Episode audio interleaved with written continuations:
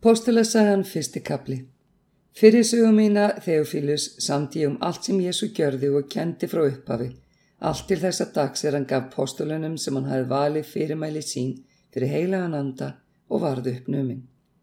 Þeim byrt hann sig lifandi eftir písl sína með mörgum órækum kennimerkjum, let þó sjá sig í fjörtjú daga og talaði um Guðs ríki. Er hann var með þeim, bauðan þeim að fara ekki burt úr Jérúsalem, heldur býða eftir fyrirheiti föðusins sem þér, sagðan, hafið heyrt mig tala um. Því að Jóhannes skýrði með vatni, en þér skuli skýrði verða með heilugum anda, nú innan fára daga. Með þeir voru saman spurði þeir hann, Herra, ættar þú á þessum tíma að endur þess að ríkið handa Ísrael? Hann svaraði, ekki er það yðar að vita tíma eða tíðir sem fadurinn setti af sjálfsíns valdi. En þér munuð aðlas kraft er heilagur andi kemur yfir yður og þér munið verða vottar mínir í Jérúsalem og allir í Júteu, í Samaríu og allt til endimarka jarðarinnar. Þegar hann hafði þetta mælt, var hann uppnuminn að þeim sjáandi og skíhuldi hann sjónum þeirra. Er þeir störðu til himins og eftir honum þegar hann kvarf, þá stóðu hjá þeim allt í einu tveir menn í hvítum klæðum og sögðu Galilegu menn, hví standi þér og horfið til himins? Þessi Jésús sem varð uppnuminn frá þér til himins mun koma á sama hátt og þér sáðan fara til heimins. Þá snýru þeir aftur til Jérúsalem frá Ólífjallinu sem svo er nefnt og er í námt við Jérúsalem, kvíldadagsleið þaðan. Er þeir komið ángað, fóru þeir upp í loftstofuna þar sem þeir dvöldust Pétur og Jóhannes, Jakob og Andres, Filipus Tómas, Bartolómeus, Matteus, Jakob Alfeusson, Símon Vandlættari og Júdas Jakobsson.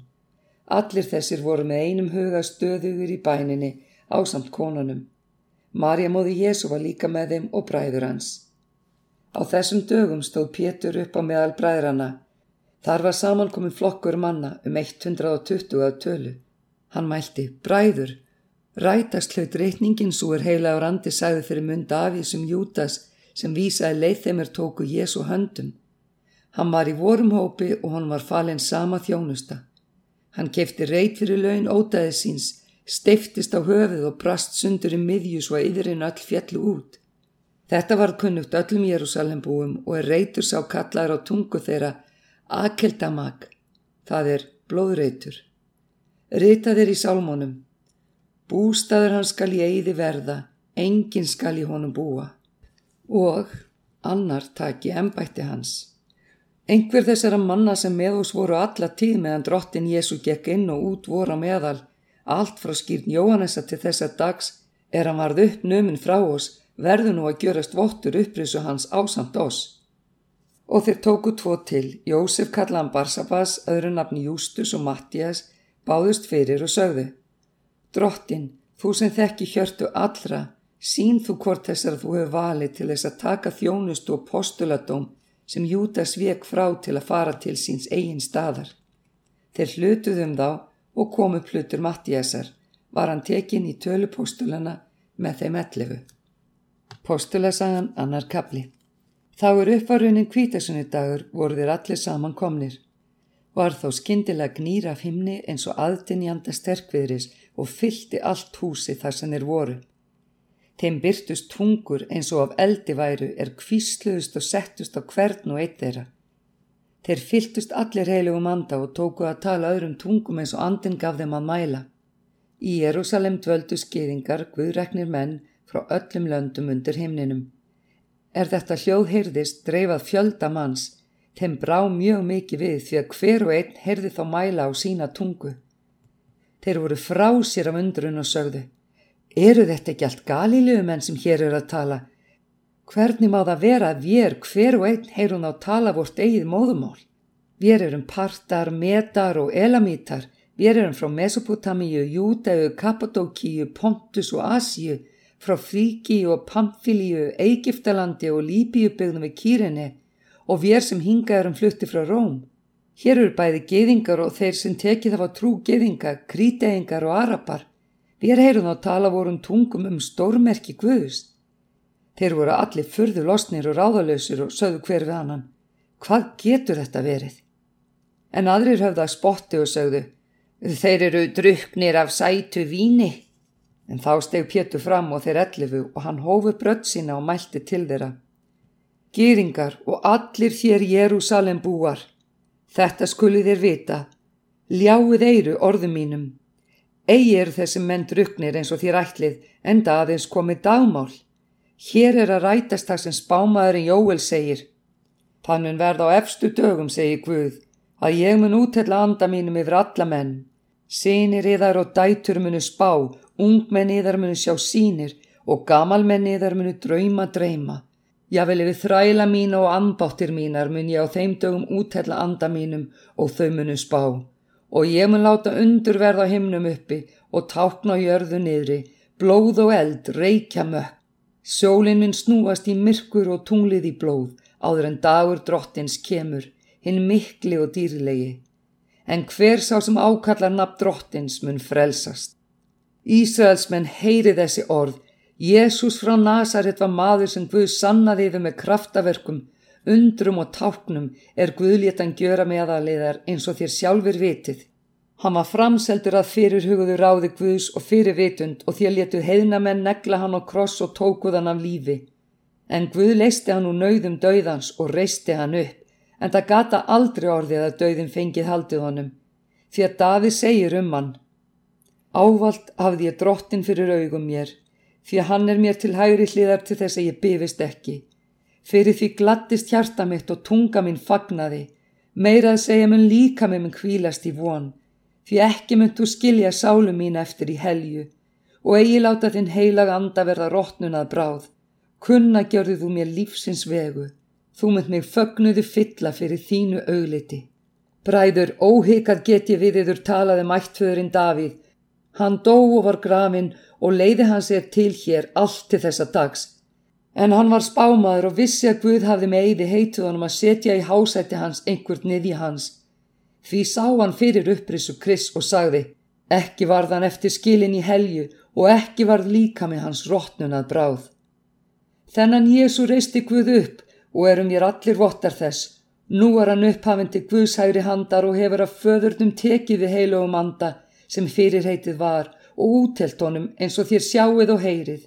Ekki steg Davíð upp til himna en hann segir, drottin sagði við minn drottin, seti mér til hægri handar, þanga til ég gjöru ofunni þína að fótskurðinni. Með öryggri vissu viti þá öll Ísraels ætt að þennan Jésu sem þér krossfestuð hefur Guð gjört bæði að drottni og Kristi. Er þeir heyrðu þetta var sem stungi væri hjörtu þeirra og þeir sögðu við Pétur og hina postulana. Hvað eigum við að gjöra bræður? Pétur sagði við þá. Gjörið yðurun og látið skýrast hver og einn í nafni Jésu Krist til fyrirgefningar syndaeðar. Þá munið þér öðlast að gjöf heilagan anda. Því að yður er ætlað fyrirheitið börnum yður og öllum þeim sem í fjarlæð eru öllum þeim sem drottin Guð vor kallar til sín. Og með öðrum fleiri orðum vittnaði hann ámyndi þá og sagði, látið frelsast frá þessari rángsnúni kynnslóð. En þeir sem veittu orðins viðtöku voru skýrðir og þann dag bættust við um þrjú þúsund sálir. Þeir rektu trúlega uppfræðsli postulana og samfélagið, brotning bröðsins og bænirnar. Ótt að setja hverju manni en mörg undur og tátt gjörðist fyrir hendu postulana Allir þeir sem trúðu heldu hópin og hafðu allt sameigilegt.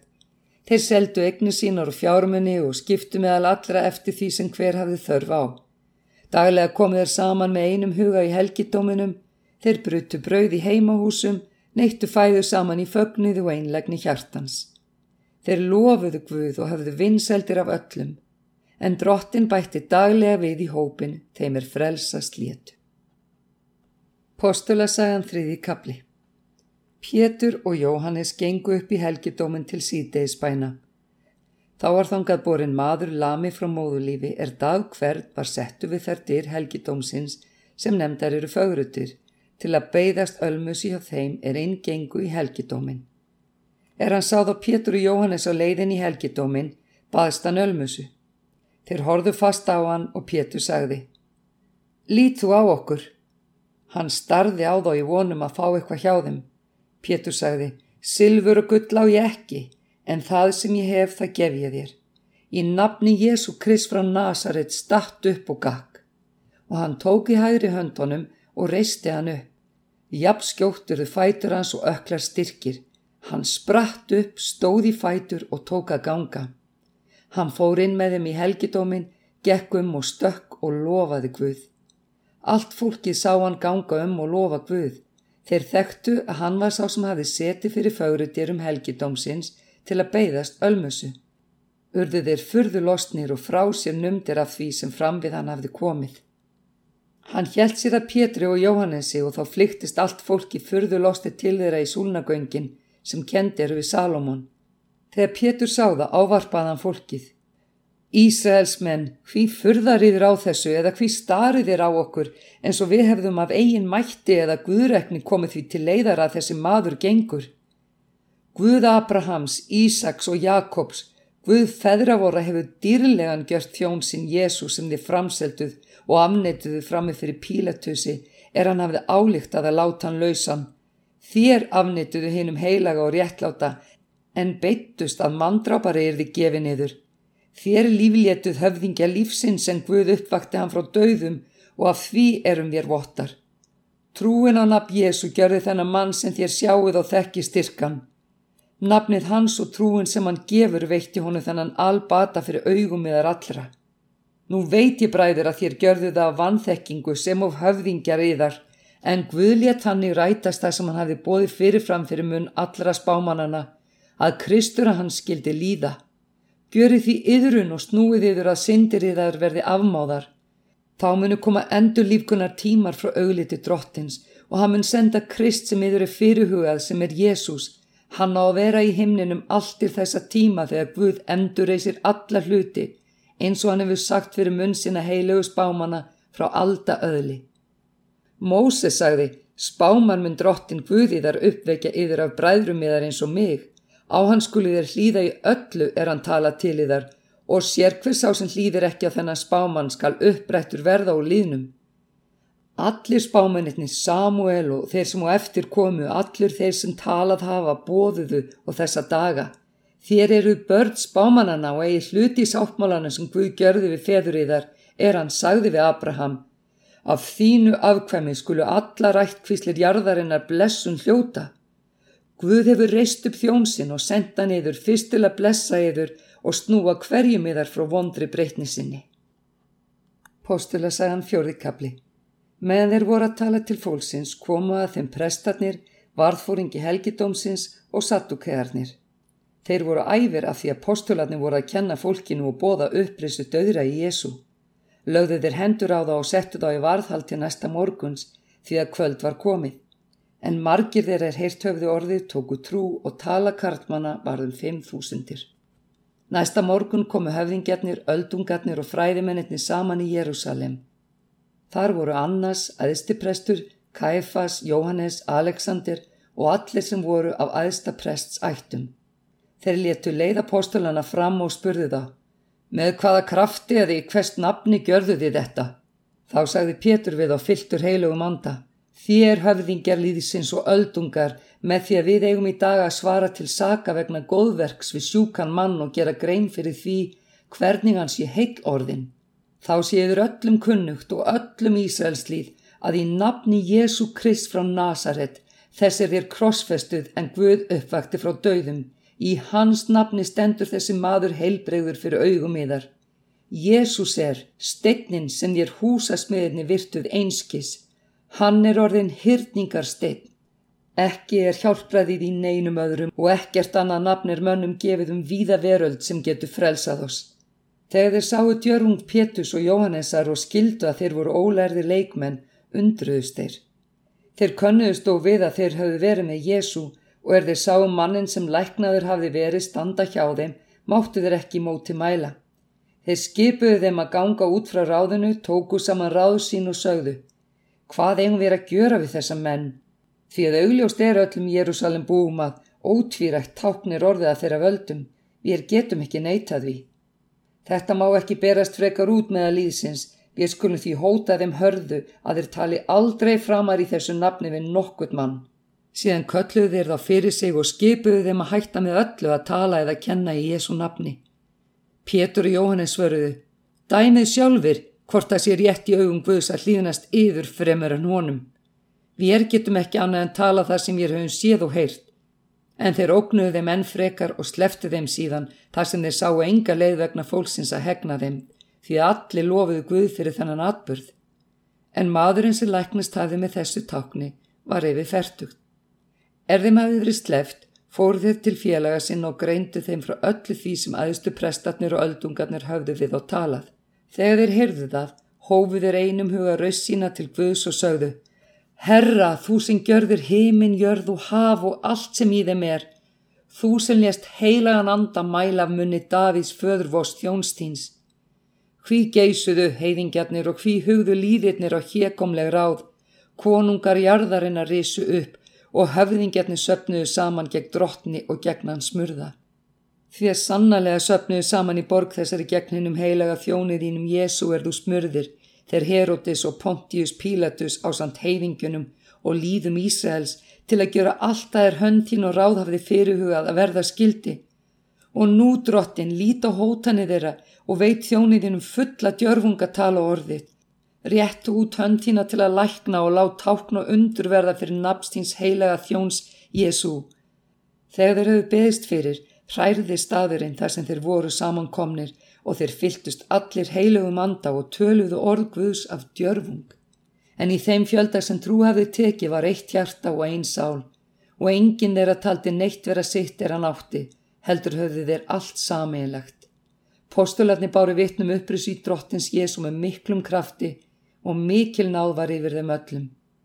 Egi var heldur neitt þurfandi meðal þeirra því að allir landeigendur og húseigendur seldu eig sína komu með andverðið og lögðu fyrir fætur postulana og sérkverjum var útlutað eftir því sem hann hafið þörf fyrir. Jósef leviti frá kýpur sem postularni kölluði Barnabas, það þýðir huggunarsonur, átti sáland og seldi, kom með verðið og lagði fyrir fætur postulana.